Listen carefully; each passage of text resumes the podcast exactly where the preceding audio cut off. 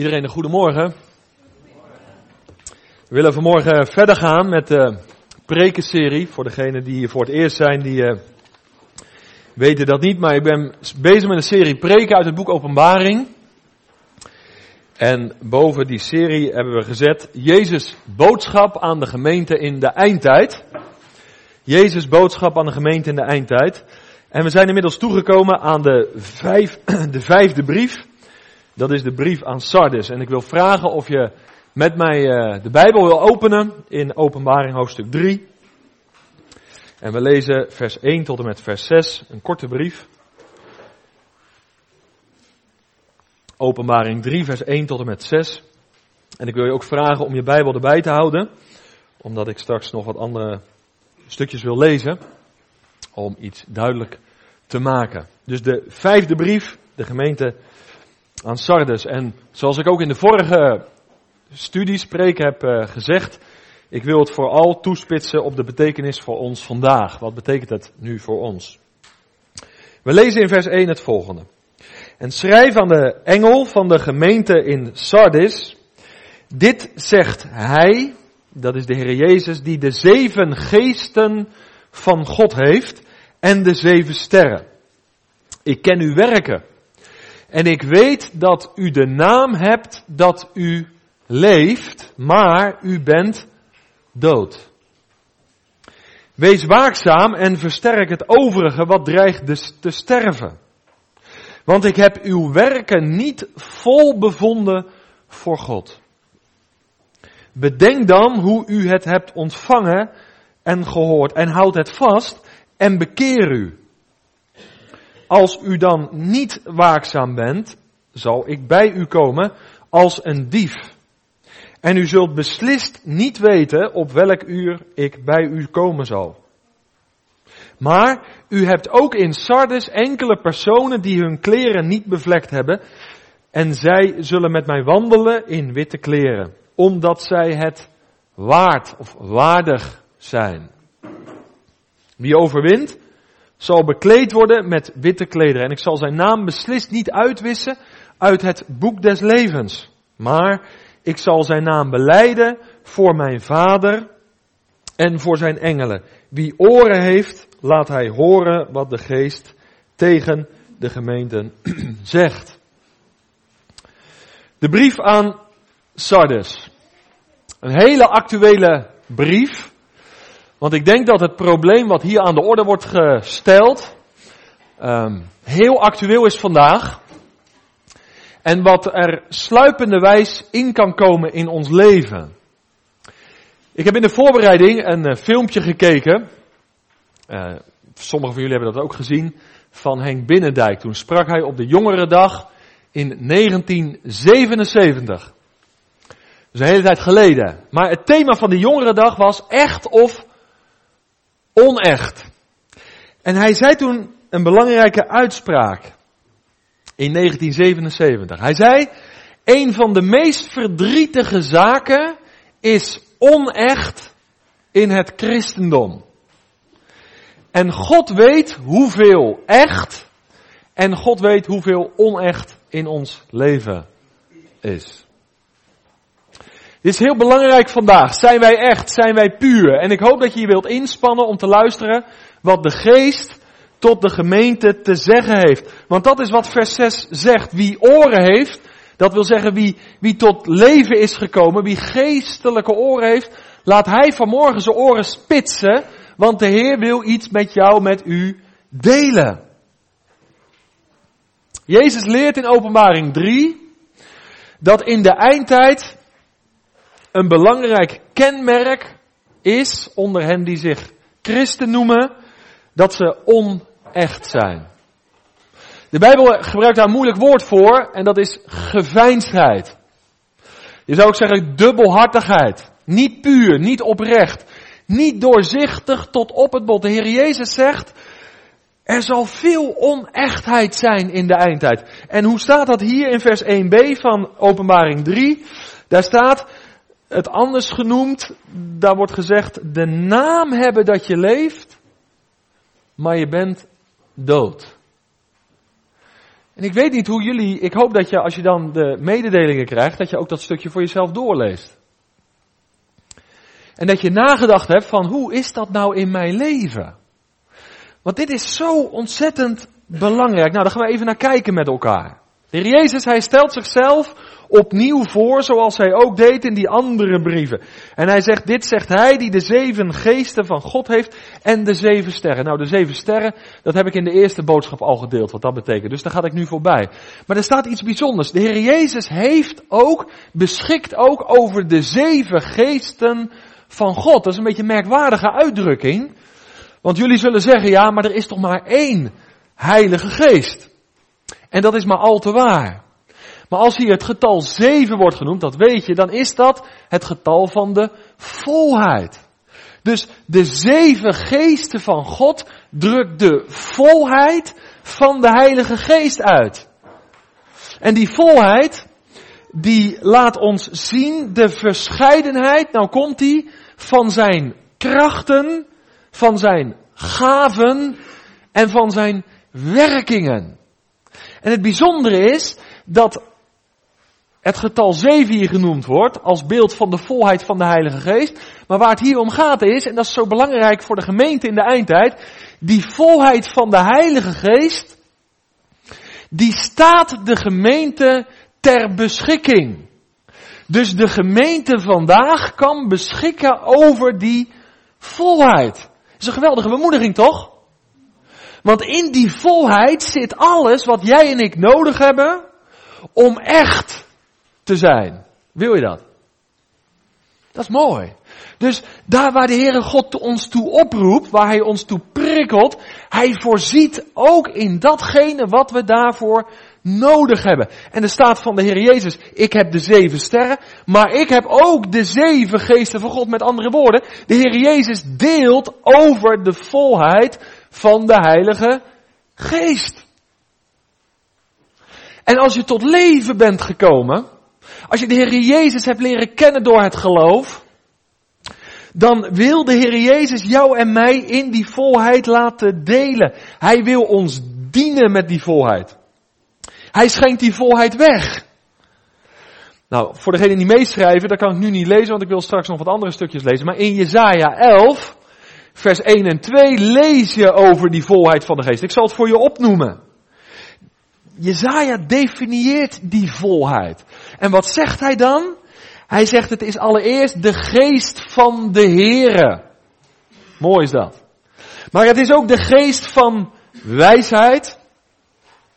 Het is de geest van verstand. Het is de geest van raad. Het is de geest van sterkte. Het is de geest van kennis. En het is de geest van de vrezen des Heren. De geest die mij ontzag geeft voor de Heere God. Dat is belangrijk. Dus daar kan je nalezen in Jezaja 11, het eerste en het tweede vers. En dan is het zo mooi dat als de Heer Jezus gedoopt wordt, dat die duif verschijnt en dat die stem uit de wollen klinkt in Matthäus 3. Deze is mijn geliefde. Nou, dat is heel interessant. Jezaja 11, daar wordt gesproken over de Heer Jezus, die deelt in de volheid van de Heilige Geest. En je ziet als het ware in Matthäus 3 de vervulling ervan. De Heer Jezus heeft de volheid van de Vader, om het zo te zeggen, ontvangen. En waarom is dat belangrijk? Ik heb het al gezegd. Hierdoor zijn wij vandaag, u, jij en ik, in staat en is alles beschikbaar om in de eindtijd godvruchtig te leven. Alles wat ik vanmorgen ga zeggen, is dus mogelijk. Begrijp wat ik bedoel? Heel veel mensen die zeggen, ja, het klinkt mooi.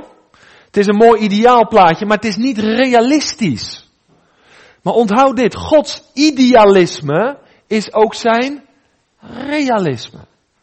Je kan vandaag puur en echt leven. Waarom? Omdat je door geloof deel hebt gekregen aan de persoon en het werk van de Heer Jezus. Maar ook de volheid van de Heilige Geest staat jou en mij ter beschikking.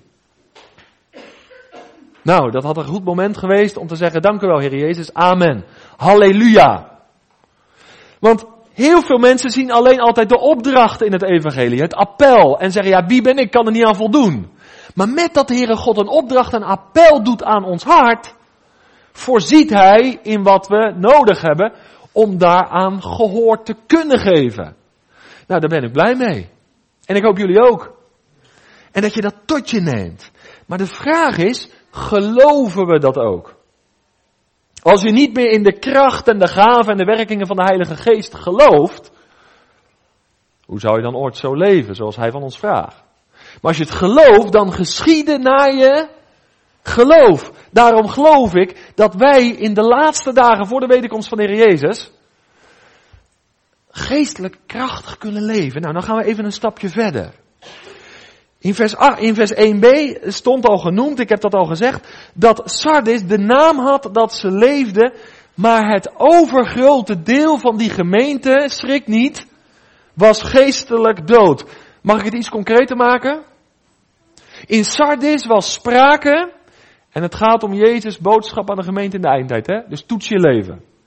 In Sardis was sprake van schijn zonder wezen, van vorm zonder inhoud, van leer zonder leven.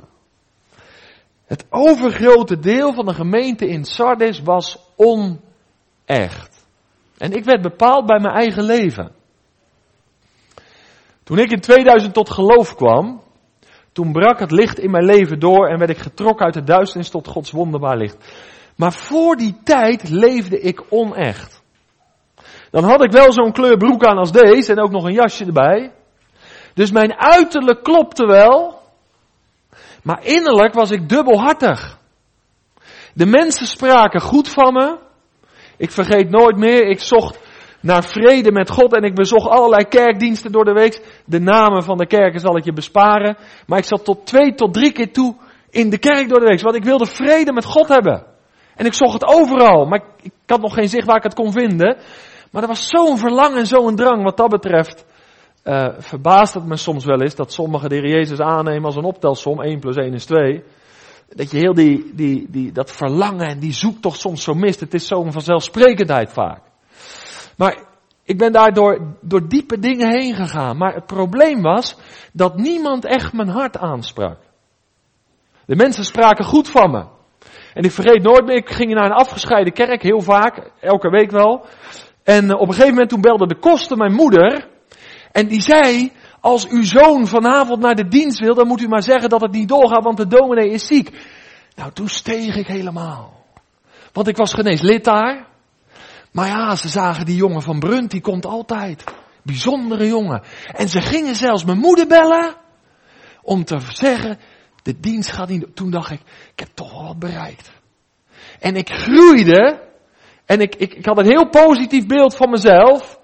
Ik had waardering in de ogen van mensen. Maar ik was geestelijk dood. En niemand durfde het aan te raken. Niemand. Niemand. Iedereen liep met een boog om je heen en zei, het is toch wat? Vier jaar geduurd. Toen kwam ik een predikant tegen, die prikte er dwars doorheen. En die zei, wat betekent Jezus voor je? Met al je mooie verhalen. En toen zakte ik door alles heen. Echt en onecht. Wat ik ermee wil zeggen is dit. Het ligt zo dicht bij elkaar. Het lijkt er soms zo op. En in Sardes waren er werken. Laat dat heel duidelijk zijn. Er waren werken die door mensen werden gewaardeerd. Maar nou komt die. Die werken in Sardes, die goede werken, werden door God niet vol bevonden. Daar gaat het om. Het gaat er niet om hoe mensen naar ons kijken, maar het gaat om het waardeoordeel van God over uw, jou en mijn leven, toch? En, en, en dit is de kern van de boodschap. Niet vol, laat dat duidelijk zijn, wil niet zeggen niet volmaakt. Maar weet je waar het om gaat? Het gaat om de motivatie van ons hart. Wat zit erachter? En, en nu moet je gaan opletten. Want in de Bijbel komen we het woord hart heel vaak tegen. Maar wij associëren hart met gevoel. als we uh, verliefd zijn, dan tekenen we een hartje, een rood hartje. Dat drukt iets uit van ons gevoel, of als we van iemand houden. Maar het hart in de Bijbel is niet in de eerste plaats, heeft het te maken met ons gevoel. Nee, in de Bijbel heeft het vooral te maken met jouw denken en met jouw wil. Uiteindelijk ook met gevoelens. Maar wil je dit goed onthouden? Als het gaat over het hart in de Bijbel, dan heeft het te maken met jouw denken en met jouw wil. En dat is belangrijk in het, in het kader van dit stukje. Het gaat ten diepste, eh, het gaat om het diepste wat in de mens ligt. De diepste motivaties voor onze gedragingen. Dat is ons hart. Dit moet je even vasthouden. Dat is ons hart. En je weet wat de spreuken schrijven zegt in hoofdstuk 23. Mijn zoon geeft mij je hart. En in spreuken 4 vers 23 staat, want daaruit zijn de uitingen van het leven. Dat moet je even vasthouden. Nou, wat is nou het probleem? Eh, de Heere God had met Israël al een probleem. Ik had dat nog opgezocht in Jesaja 29. Dit volk nadert mij met de lippen en met de mond, maar hun hart blijft verre van mij. Echt en onecht. Dat is het thema, hè? Dus Israël was onecht. Nou, omdat dit de kern van het Sardis-probleem is, gaan we hier even op inzoomen, want dit is het belangrijkste. Bladen met mij, pak je Bijbel erbij, naar Matthäus 23. Want wat ik zie is dat de rode draad in de Bijbel is dat elk volk, dat elke generatie, dat elke gelovige blootstaat aan het gevaar om onecht te leven. Israël heb ik jou aangehaald. Met hun mond beleiden, maar hun hart bleef verre. Nou, als je nou naar Matthäus 23 gaat, jullie kennen dat stukje, maar toch gaan we het even lezen. Een paar versen. Ehm, in vers 27. Zo aangrijpend. Daar zegt Jezus. Wee u, schriftgeleerden. Matthäus 23, vers 27. En wee u, fariseeën. En wee u, huigelaars, want u bent als de wit gepleisterde graven. Die van buiten wel mooi lijken, maar van binnen zijn ze vol doodsbeenderen en allerlei onreinheid. En dan komt die, vers 28. Zo lijkt u ook wel van buiten rechtvaardig voor de mensen, maar van binnen bent u vol huichelarij en wetteloosheid. Hoe denk je dat het oordeel van de mensen over deze mensen zou zijn? Was in die dagen. Nou, die kregen een positief waardeoordeel van de mensen in hun omgeving. En daar moet je even goed over nadenken, hè? Het zijn de woorden van de Heer Jezus. Dan, dan, dan confronteert hij ze met de echte waarheid. Hoe zou de reactie zijn geweest? Stel voor dat het mijn woorden waren geweest vanmorgen. Misschien als je hier voor het eerst bent, zeg je nou, dat kan hij niet maken. Dat kan hij gewoon niet maken. Dan moet hij, dat, ik ga hem schrijven. En mensen schrijven hem ook wel. Maar dit is confronterend. Dat iemand tegen jou zegt, je buitenkant. Maar ik ben niet in de eerste plaats geïnteresseerd in je buitenkant. Jouw binnenkant deugt niet, is onrein. Daar is in jouw innerlijk huichelarij, onechtheid en wetteloosheid. Dat betekent, van binnen ben jij jezelf tot norm en tot wet. Dat is wetteloosheid. Dat is aangrijpend, hè? Dus buiten leef je, hou je de schijn op, maar van binnen, in jouw gevoelens, in jouw verlangens, in jouw idealen, ben je jezelf tot norm. Nou, dat is wetteloosheid ten top. En misschien ben je nog zo een meester dat je het innerlijk kan houden. Komt het nog niet naar buiten toe. Maar vanmorgen zegt de Heere God, ik kijk dwars door jou heen. En de grote vraag is, kijk sommige mensen redeneren hierop door, die zeggen, zie het zit niet in de buitenkant. Zit niet in de... Nee, dan heb je Jezus niet begrepen. Jezus zegt niet dat het niet in de buitenkant zit, dus je moet wel degelijk met je buitenkant bezig zijn. Maar Jezus zegt, wees niet met je buitenkant bezig als het innerlijk nog niet op orde is. Amen. Dus mensen die redeneren, zie het gaat alleen om je innerlijk hoor, voor de rest maakt het allemaal niet uit. Dat, dat is ook eindtijd. Dat is ook eindtijd. Maar hij zegt nee, binnen en buitenkant moeten met elkaar over één komen, transparant tot op het bot. En dat is wat Jezus onderwijst in Matthäus 23. Gaan we een stapje verder, gaan we naar Handelingen 8. Dit was de Heer Jezus. Handelingen 8 is een geschiedenis die mij als kind enorm boeide. Je kent het wel, het stukje over Simon de Tovenaar. Daar heb ik ooit een preek in Hoek van Holland over gehoord, die ben ik nooit meer vergeten. Simon de Tovenaar. En wat zie je nou? Dat is, dat, dat, en, en dit is ook heel kenmerkend voor vandaag. Je ziet, de Heere God is aan het werk. De Heilige Geest doet zijn werk. De Heere God manifesteert zich. En mensen komen tot geloof. Er zijn wonderen en tekenen en krachten. En wat zie je dan in Handelingen 8 vers 18? Dan zegt, dan staat daar, en toen Simon, de tovenaar zag dat de Heilige Geest gegeven werd door middel van handoplegging van de apostelen, komt hij, bood hij hun geld aan. En hij zei, geef ook mij deze macht, opdat een ieder wie ik de handen opleg, de Heilige Geest ontvangt. Maar Petrus zei tegen hem, laat uw geld met u naar het verderf gaan, omdat u dacht dat Gods gave door geld verkregen wordt. En dan komt hij, u hebt part nog deel aan deze zaak, want uw hart is niet oprecht voor God. Simon, die wilde meeliften met het werk van de Heere God. Ik geloof dat in zekere zin zijn verlangen nog niet verkeerd hoeft te zijn. daar zeg ik even niks van. Maar in de eerste plaats verlangt hij de gave van God door middel van geld te verkrijgen. Dus door een wereldsysteem wil hij deel krijgen aan de geestelijke gave. Dit gaat niet lukken.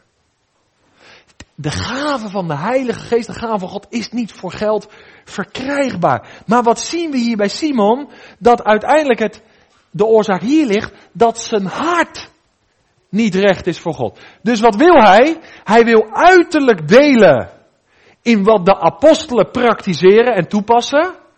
Maar innerlijk is het niet op orde. En dit is vandaag een gevaar, ook in alle hypes met tekenen en wonderen. Er leggen wat mensen anderen de handen op, die innerlijk zelf niet rein zijn, niet zuiver zijn.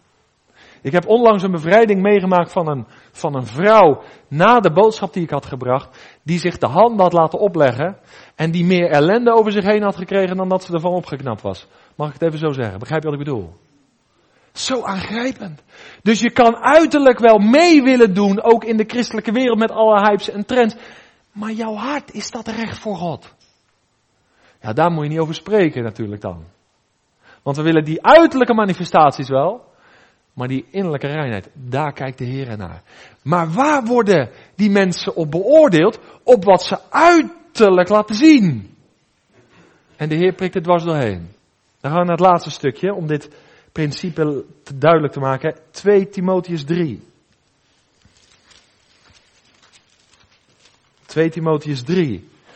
En dat past helemaal in de lijn van de brief van Sardis. Het gaat nog steeds om echt en onecht, die binnenkant. En wat staat daar? Het is heel aangrijpend hoor. 2 Timotheus 3, het eerste vers. En weet dit, we zijn met het boek Openbaring bezig, dat in de laatste dagen zware tijden zullen aanbreken. Want mensen zullen liefhebbers zijn van zichzelf, geldzuchtig, grootsprekers, hoogmoedig, lasteraars, hun ouders ongehoorzaam, ondankbaar, onheilig, zonder natuurlijke liefde, onverzoenlijk, kwaadsprekers, onmatig, hè, onbeheerst, wreed, dat, dat wil zeggen onfatsoenlijk, zonder liefde voor het goede, verraders, roekeloos, verwaand, meer liefhebbers van zingenot dan liefhebbers van God. En nou komt die vers 5. Zij hebben een schijn van Gods vrucht, maar hebben de kracht ervan verlogend. De Bijbel zegt, keer u ook van hen af. Kom dichtbij, hè? Dit is nogal wat, hè? Dus er zijn mensen die hebben de schijn van Gods vrucht, maar de kracht ervan verlogend. Wat betekent dat? Dat betekent dit. Zij hebben een uiterlijke vorm die klopt. Ze hebben schoon klinkende woorden, maar nou komt die.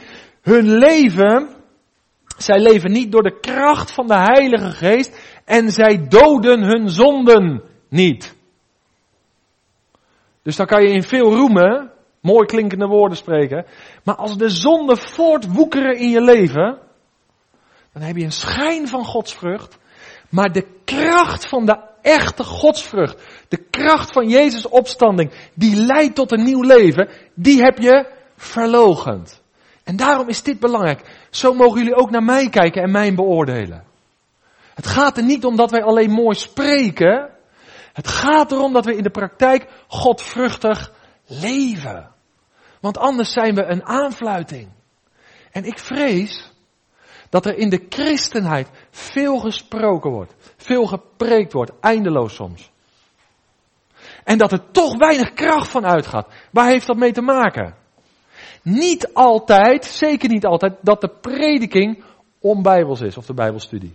Maar weet je wat het mee te maken heeft? Met reine, zuivere levens van hen die de boodschap brengen. De kracht ervan verlogenen. En dan zeggen we, ja maar er zijn toch activiteiten?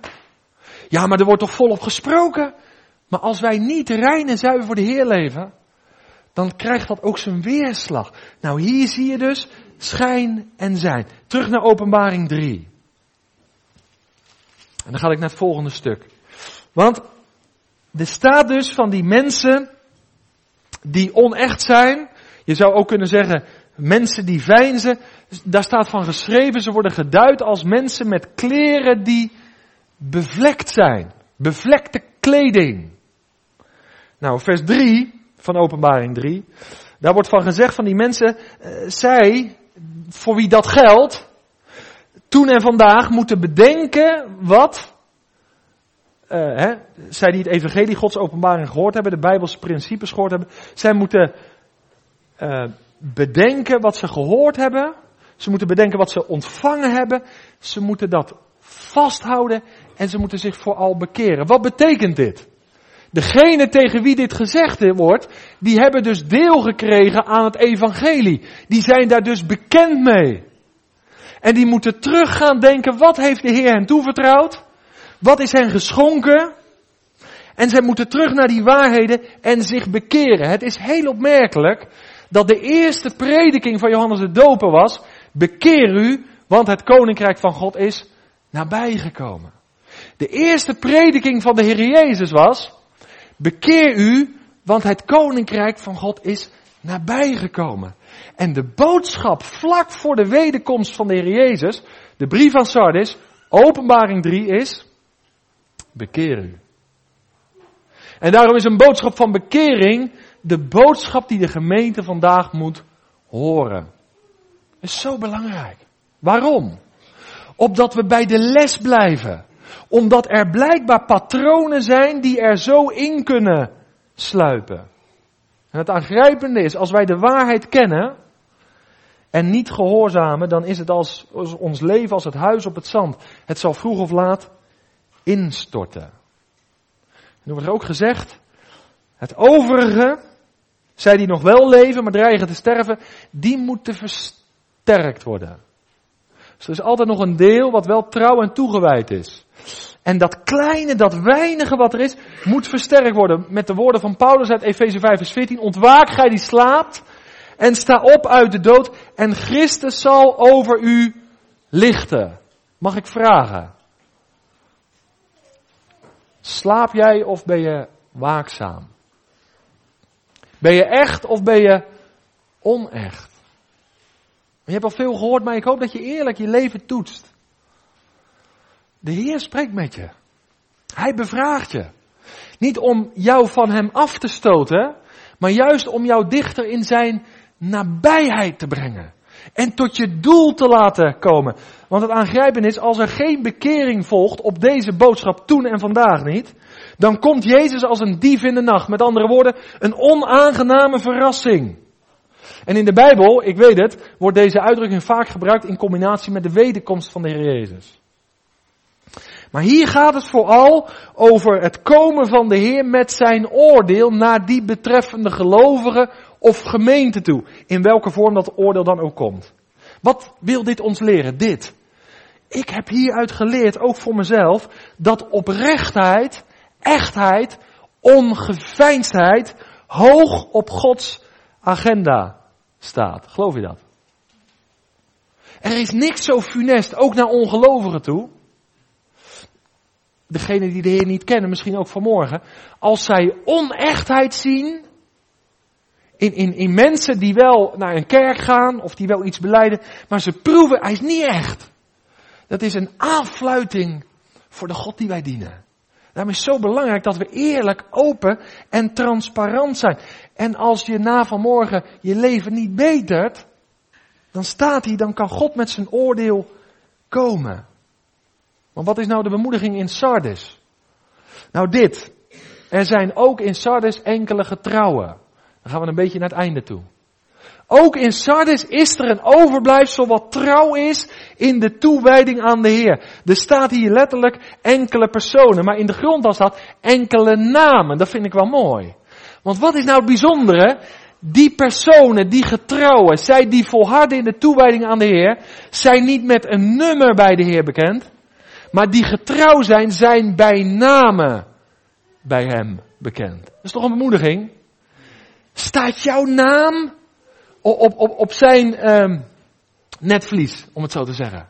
Dat is een getrouwe daar in Amsterdam. Je bent geen nummer bij de Heere God. Ik heb je bij je naam geroepen, je bent mij.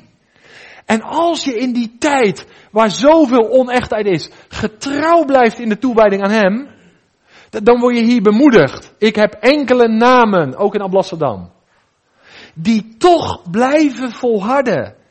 Dat is een geweldige bemoediging. En je ziet door de geschiedenis heen, door de kerkgeschiedenis heen, door de bijbelse geschiedenis heen, er is altijd een trouw overblijfsel.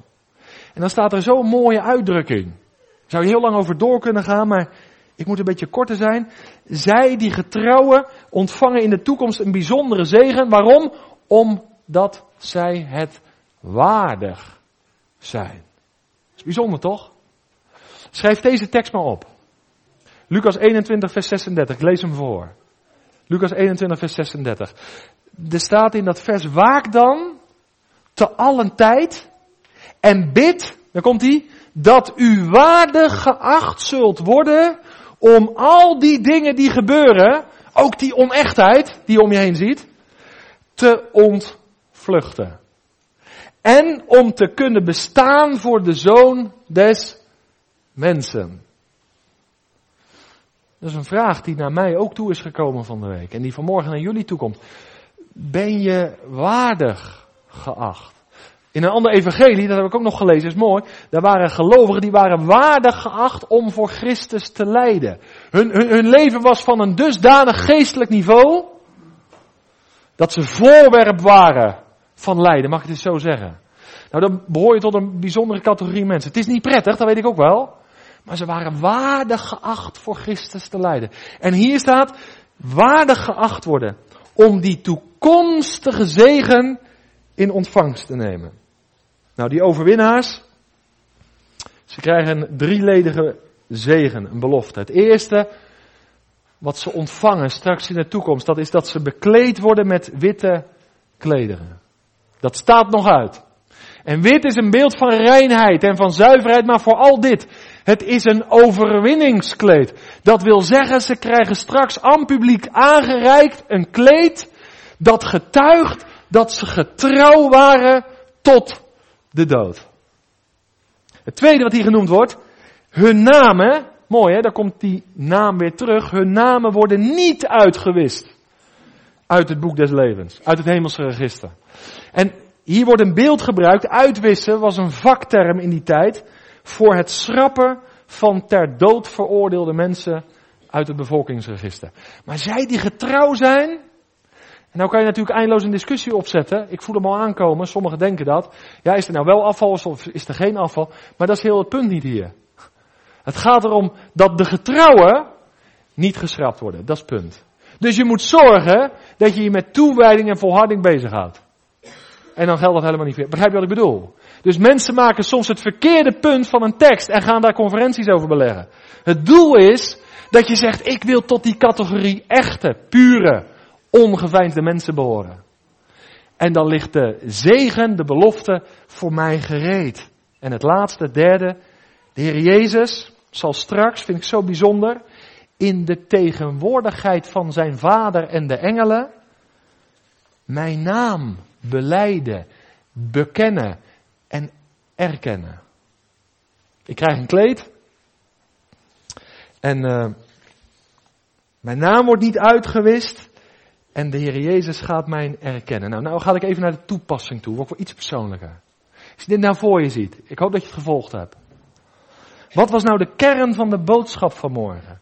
Wat wilde de geest nou vanmorgen tegen jou zeggen? Ik heb daarvoor gebeden van de week. Want je kan er heel veel over zeggen. Maar, maar wat is nou wat u wilt delen in Alblasserdam, zondagochtend? Dit. In de eindtijd, de dagen waarin wij leven, zullen veel mensen, en ga nou niet naar kerk A, B of C kijken, in de breedte van de christenheid onecht zijn. Een mooie buitenkant en mooie mondbeleidnis, maar hun innerlijke leven is niet op orde. Ze hebben de naam dat ze leven, maar ze zijn dood. En ik hoop dat je aanvoelt dat dit heel dichtbij komt. Weet je, laat ik dat maar eerlijk vertellen. Wat mij persoonlijk raakte in de voorbereiding was dit. Weet je, wij kunnen goede werken doen, hè? Die deden ze in Sardes ook. Maar een verkeerd motief bederft veel goede werken en maakt ze onvolmaakt in Gods ogen. Dat is aangrijpend. Dus je kan een goed werk doen, maar als mijn motief niet zuiver is, als ik mensen behaag of als ik mezelf behaag, is het in Gods ogen onvolmaakt. tweede, wat mij ook raakte, is dit: het waardeoordeel van de Heer over mijn leven. Luister goed. Kan sterk afwijken van het waardeoordeel dat mensen over mij geven. Mensen kunnen vandaag instemmen, maar de Heere God kan mij niet, kan niet met mijn leven instemmen. God hanteert dus andere maatstaven dan wat mensen doen. En mijn vraag aan jou is, aan u en aan mezelf, voor wie leven we? Wat zijn onze motieven?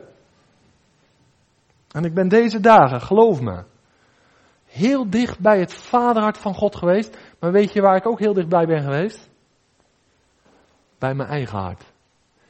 En ik heb, laat ik dat gewoon in vertrouwen delen, mezelf een aantal vragen gesteld. En, en pas het toe op je eigen leven. Als het gaat over echt en onecht, gemeente van Sardis, eindtijd. Wat zijn mijn motieven in mijn huwelijk? Ik kan er natuurlijk mooi over het huwelijk spreken, maar wat zijn mijn motieven? Is mijn motief echt dat het een weerspiegeling is van Christus en de gemeente? Dat weet ik hier wel in mijn hoofd. Maar is dit mijn hartsverlangen? Wat is gevolg daarvan? Dat ik bereid ben om voor Annette als Christus te zijn. En ik ervoor kies om mijzelf te verloochenen. Dat is echt. Dat is echt. Wat zijn mijn intenties? Dat is een belangrijke vraag. Wat ik me ook heb afgevraagd, en, zeker in het kader van vanmorgen, ik ben dankbaar en blij met mijn vier zonen, geloof me, een kwartet. Maar ik heb me van de week wel afgevraagd, ben ik ook met Hanna bereid om te zeggen, ik zal ze al de dagen dat ze hier op aarde zijn, aan u overgeven. Ik weet veel dingen wel met mijn hoofd, maar is dit mijn hartsverlangen? Dan ben ik echt. Of gebruik ik mijn kinderen, wat ik bij heel veel ouders zie, voor de behoeftebevrediging van mijn ego?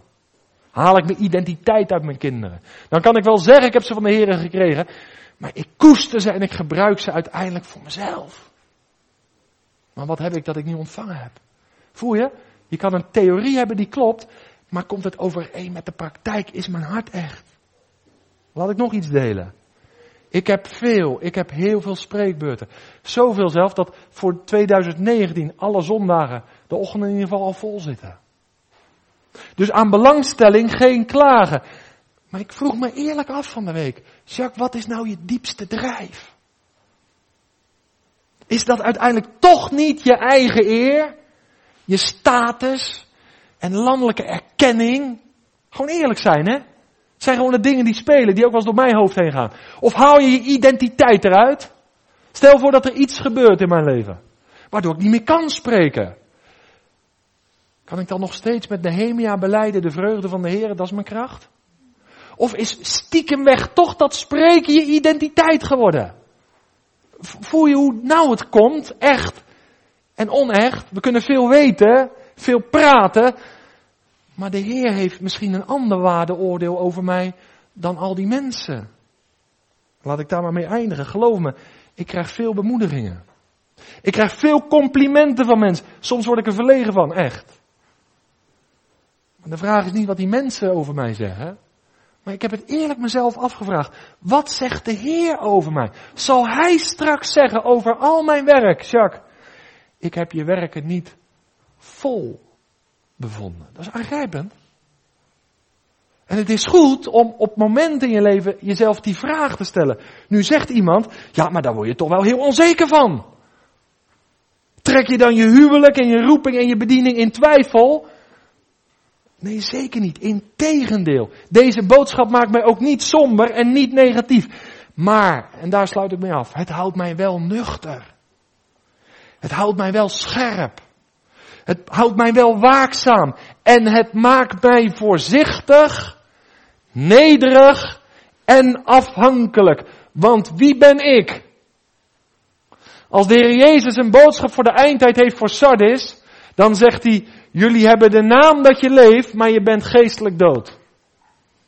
En als ik dit lees, dan trek ik niet alles in mijn leven in twijfel, integendeel. Maar dat bepaalt mij wel bij de uitspraak waar ik mee begonnen ben en waar ik mee ga eindigen. Een van de meest verdrietige dingen in het christendom is onecht. Onechtheid.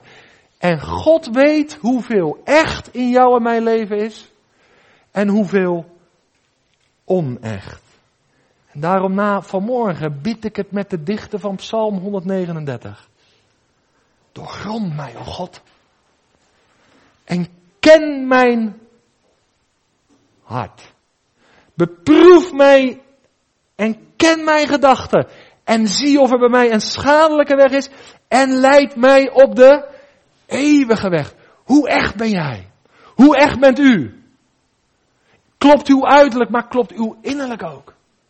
En de Heer wil vanmorgen u, jou mij stimuleren. Om die twee met elkaar in overeenstemming te laten zijn. Dat we doorzichtig zijn tot op het bot. En dat het waardeoordeel van de Heere God voor ons belangrijker is, de instemming van onze Hemelse Vader, belangrijker is dan de waardebeoordeling van mensen en de instemming van mensen over ons leven. En ik wil je vragen, toets je leven vanmorgen. En misschien is het goed dat we een moment stil worden voor de Heer. En dat je vanavond vanmorgen uitspreekt. Hardop of zachtjes. Wat is er nu in je hart? Hij heeft met jou en mij gepraat. Hij heeft mij vragen gesteld. Maar hij heeft jullie ook vragen gesteld. Ik heb ze even op mijn terrein toegepast. Maar, maar pas ze toe op jouw terrein, op uw terrein. En laten we ervoor kiezen om in het licht te wandelen en daarin te blijven en echt te zijn. En dat bedoel ik niet als een dreigement, maar er komt een dag. Dat alles wat verborgen is, openbaar zal worden. En wat is nou de zegen van een christen? Dat hij vandaag al met een vrij geweten mag wandelen, met een hart dat oprecht is voor de Heer, geen aanklacht in je geweten. En hij nodigt je uit. Laat je echte binnenkant eens naar buiten komen. Zullen we stil worden voor de Heer? Als je gebed op je hart hebt, mag je dat uitspreken. Wil je stil bidden, is ook goed. Zal ik afsluiten. De Heer heeft met ons gepraat. Leid ons in de gebeden, Heer Jezus,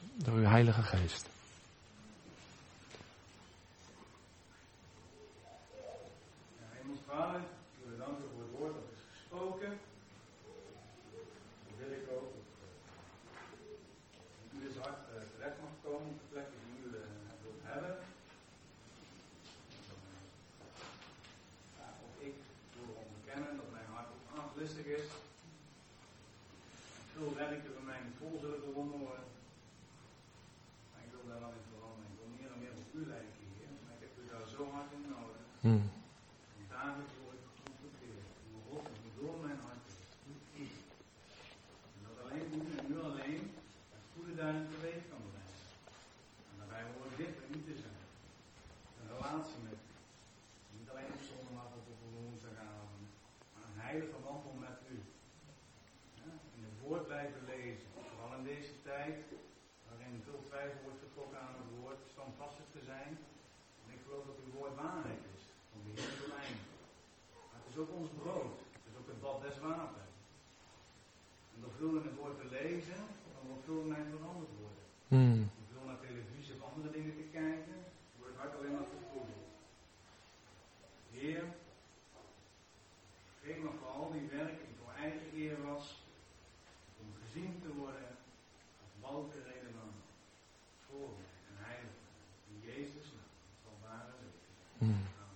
Amen.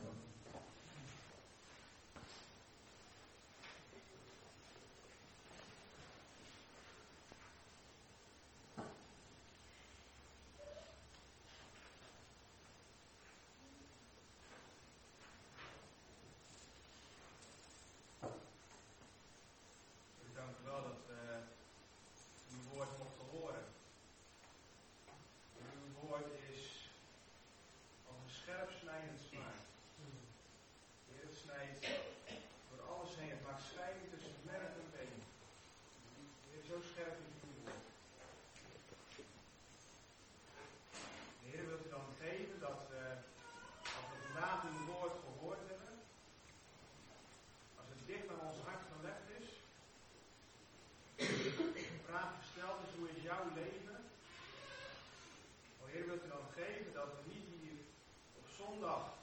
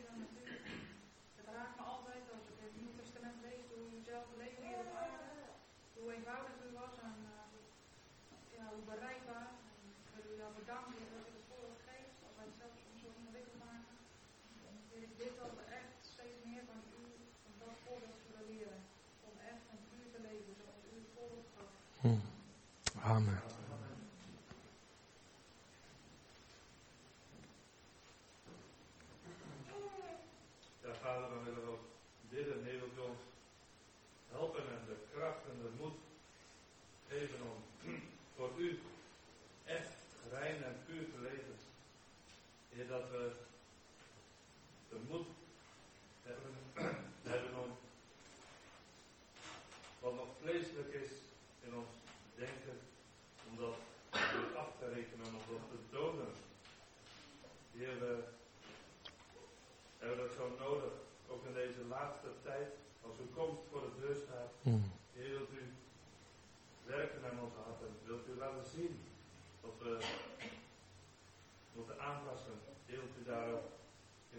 Mm. Uw geest geven. We hebben gedacht over de volheid van uw geest. Ja, dank u wel dat u die ons toch de beschikking wilt stellen. Mm.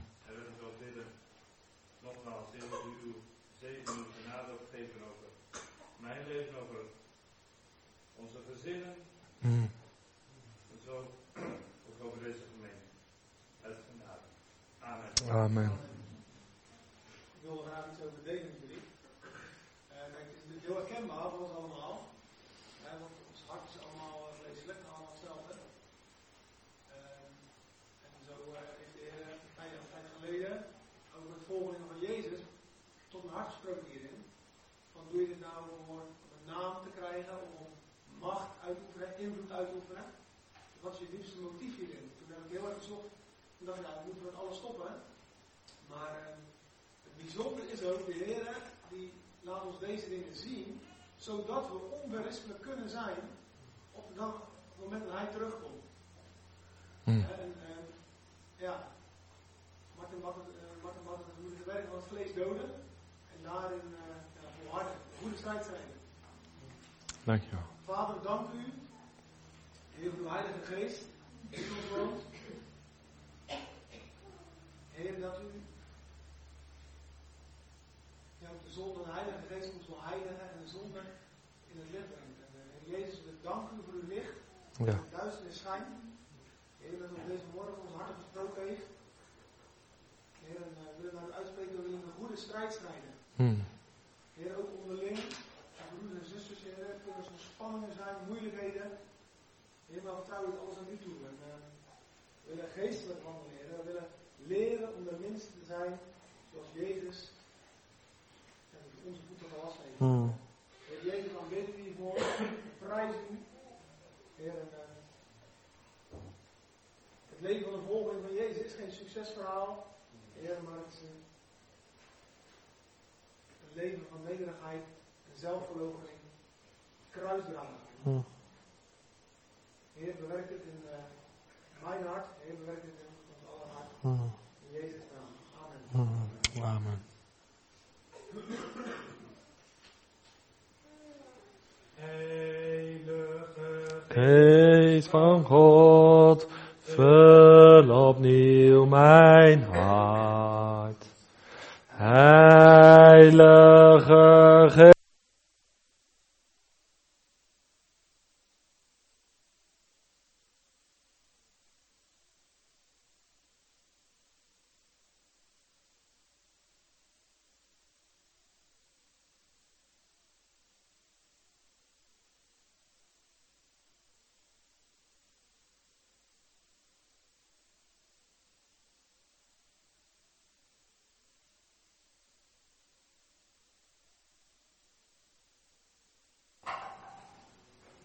Heer, daar willen we u echt voor bedanken. U bent zo genadevol. U bent een echte vader die weet wat wij nodig hebben. En ik bid u dat in ieder deze boodschap ook als zodanig oppakt. U bent een vader die ons voor valkuilen wil bewaren. Die ons eerlijk de dingen onder ogen wil eh, laten zien dat we, dat, we, dat, dat, we, dat we zicht krijgen in deze dingen. Niet om ons verder van u af te drijven, in tegendeel. Maar dat we bewust worden van de valkuilen die er zijn. Toen in Sardes, maar vandaag in de dagen vlak voor uw komst in, in, in veel sterkere mate, denk ik. En ik wil u danken, heren, voor uw liefde en genade die in deze boodschap naar voren komt. Dank u wel dat u zo betrokken bent op ons leven. Dat u ons bij de hand neemt, dat u ons onderwijst en dat u ons leert de weg die wij mogen In de wetenschap dat u voorop gaat. Dat u leidt door uw geest, die leidt in de waarheid. En zoals Martin terecht nog aanhaalde, die volheid van de geest die ons ter beschikking staat. Dank u wel daarvoor. Zegen dit woord. Werk het uit in ons alle hart. En geef dat we ook eerlijk naar onszelf durven zijn. Kwetsbaar. Want dat is juist de gelegenheid voor u. Om in ons hart leven, in ons denken, verder door te breken. Door te werken, verdieping te geven. En ons meer gelijkvormig te maken. Aan het beeld van de Heer Jezus. We leggen zo alles terug in uw handen. En we danken u voor dit samen zijn. We danken u voor uw woord dat levend en krachtig is in de wonderbare naam van uw Zoon. Onze Heere, Jezus de Christus. Amen. Ik mocht nog een lied opgeven, ik was een beetje laat.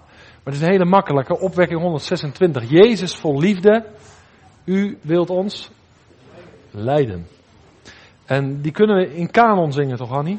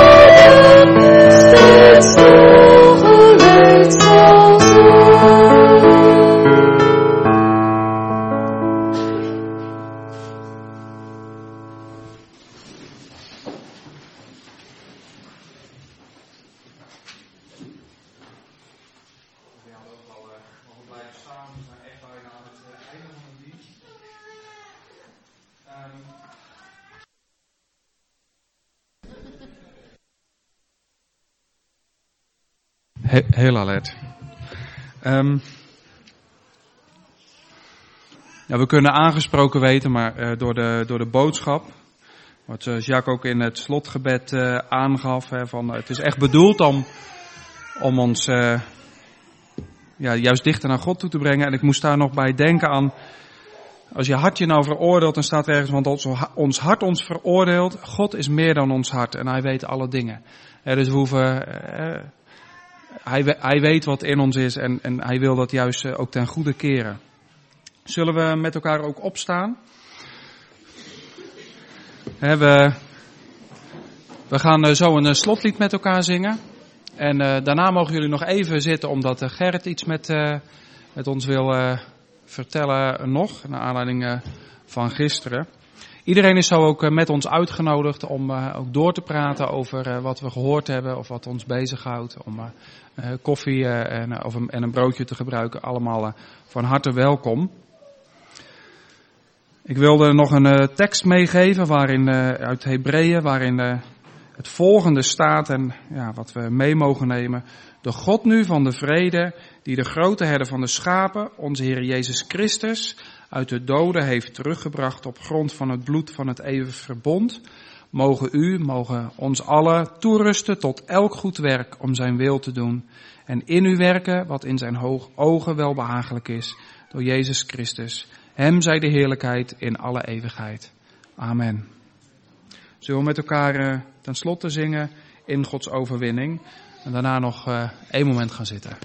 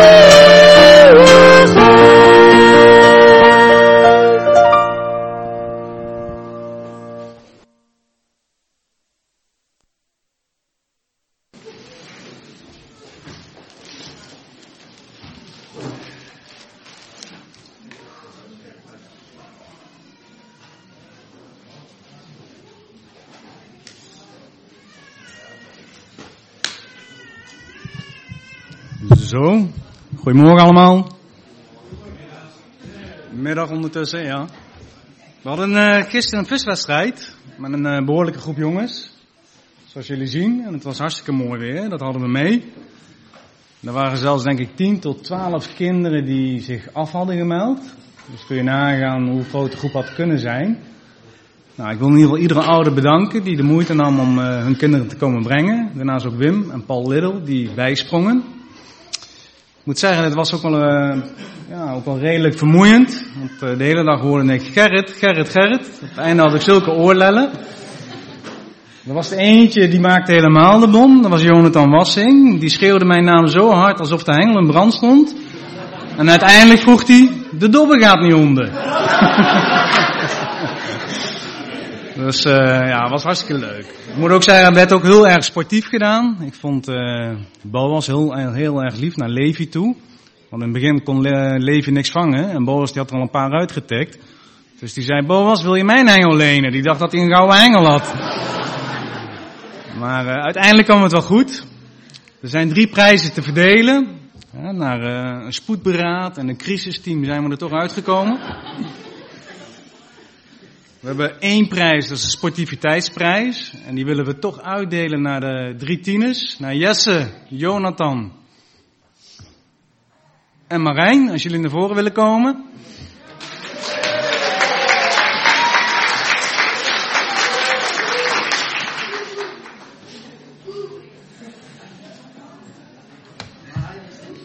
Nou, Marijn is er niet. Nee, Marijn is uh, crash.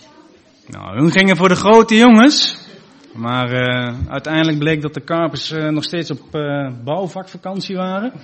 Ja. Maar toch, hartstikke leuk dat jullie erbij waren. Nou, En bedankt. Ja, jullie mogen weer gaan. Moet ik blijven staan? Of? Nee, je mag gaan als je wilt. Prima. Er was ook één prijs voor de grootste vis en daar gingen hun voor. Maar ja, die liep van zich af weten. En ik wou toch die prijs uitdelen. Er was één persoon die dacht aanwezig. Die had nog nooit een vis van zijn leven gevangen. En die dag had hij zijn eerste vis gevangen. Jonathan Wassing. Gefeliciteerd. En ja, de grote viskampioen van die dag. Het was een nek-en-nek race, een bloedstollende finale. Er stonden er de vier met drie vissen. Maar uiteindelijk ging er eentje door met een vierde vis. Boas Brunt. Gefeliciteerd jongen. Nou, dat was het.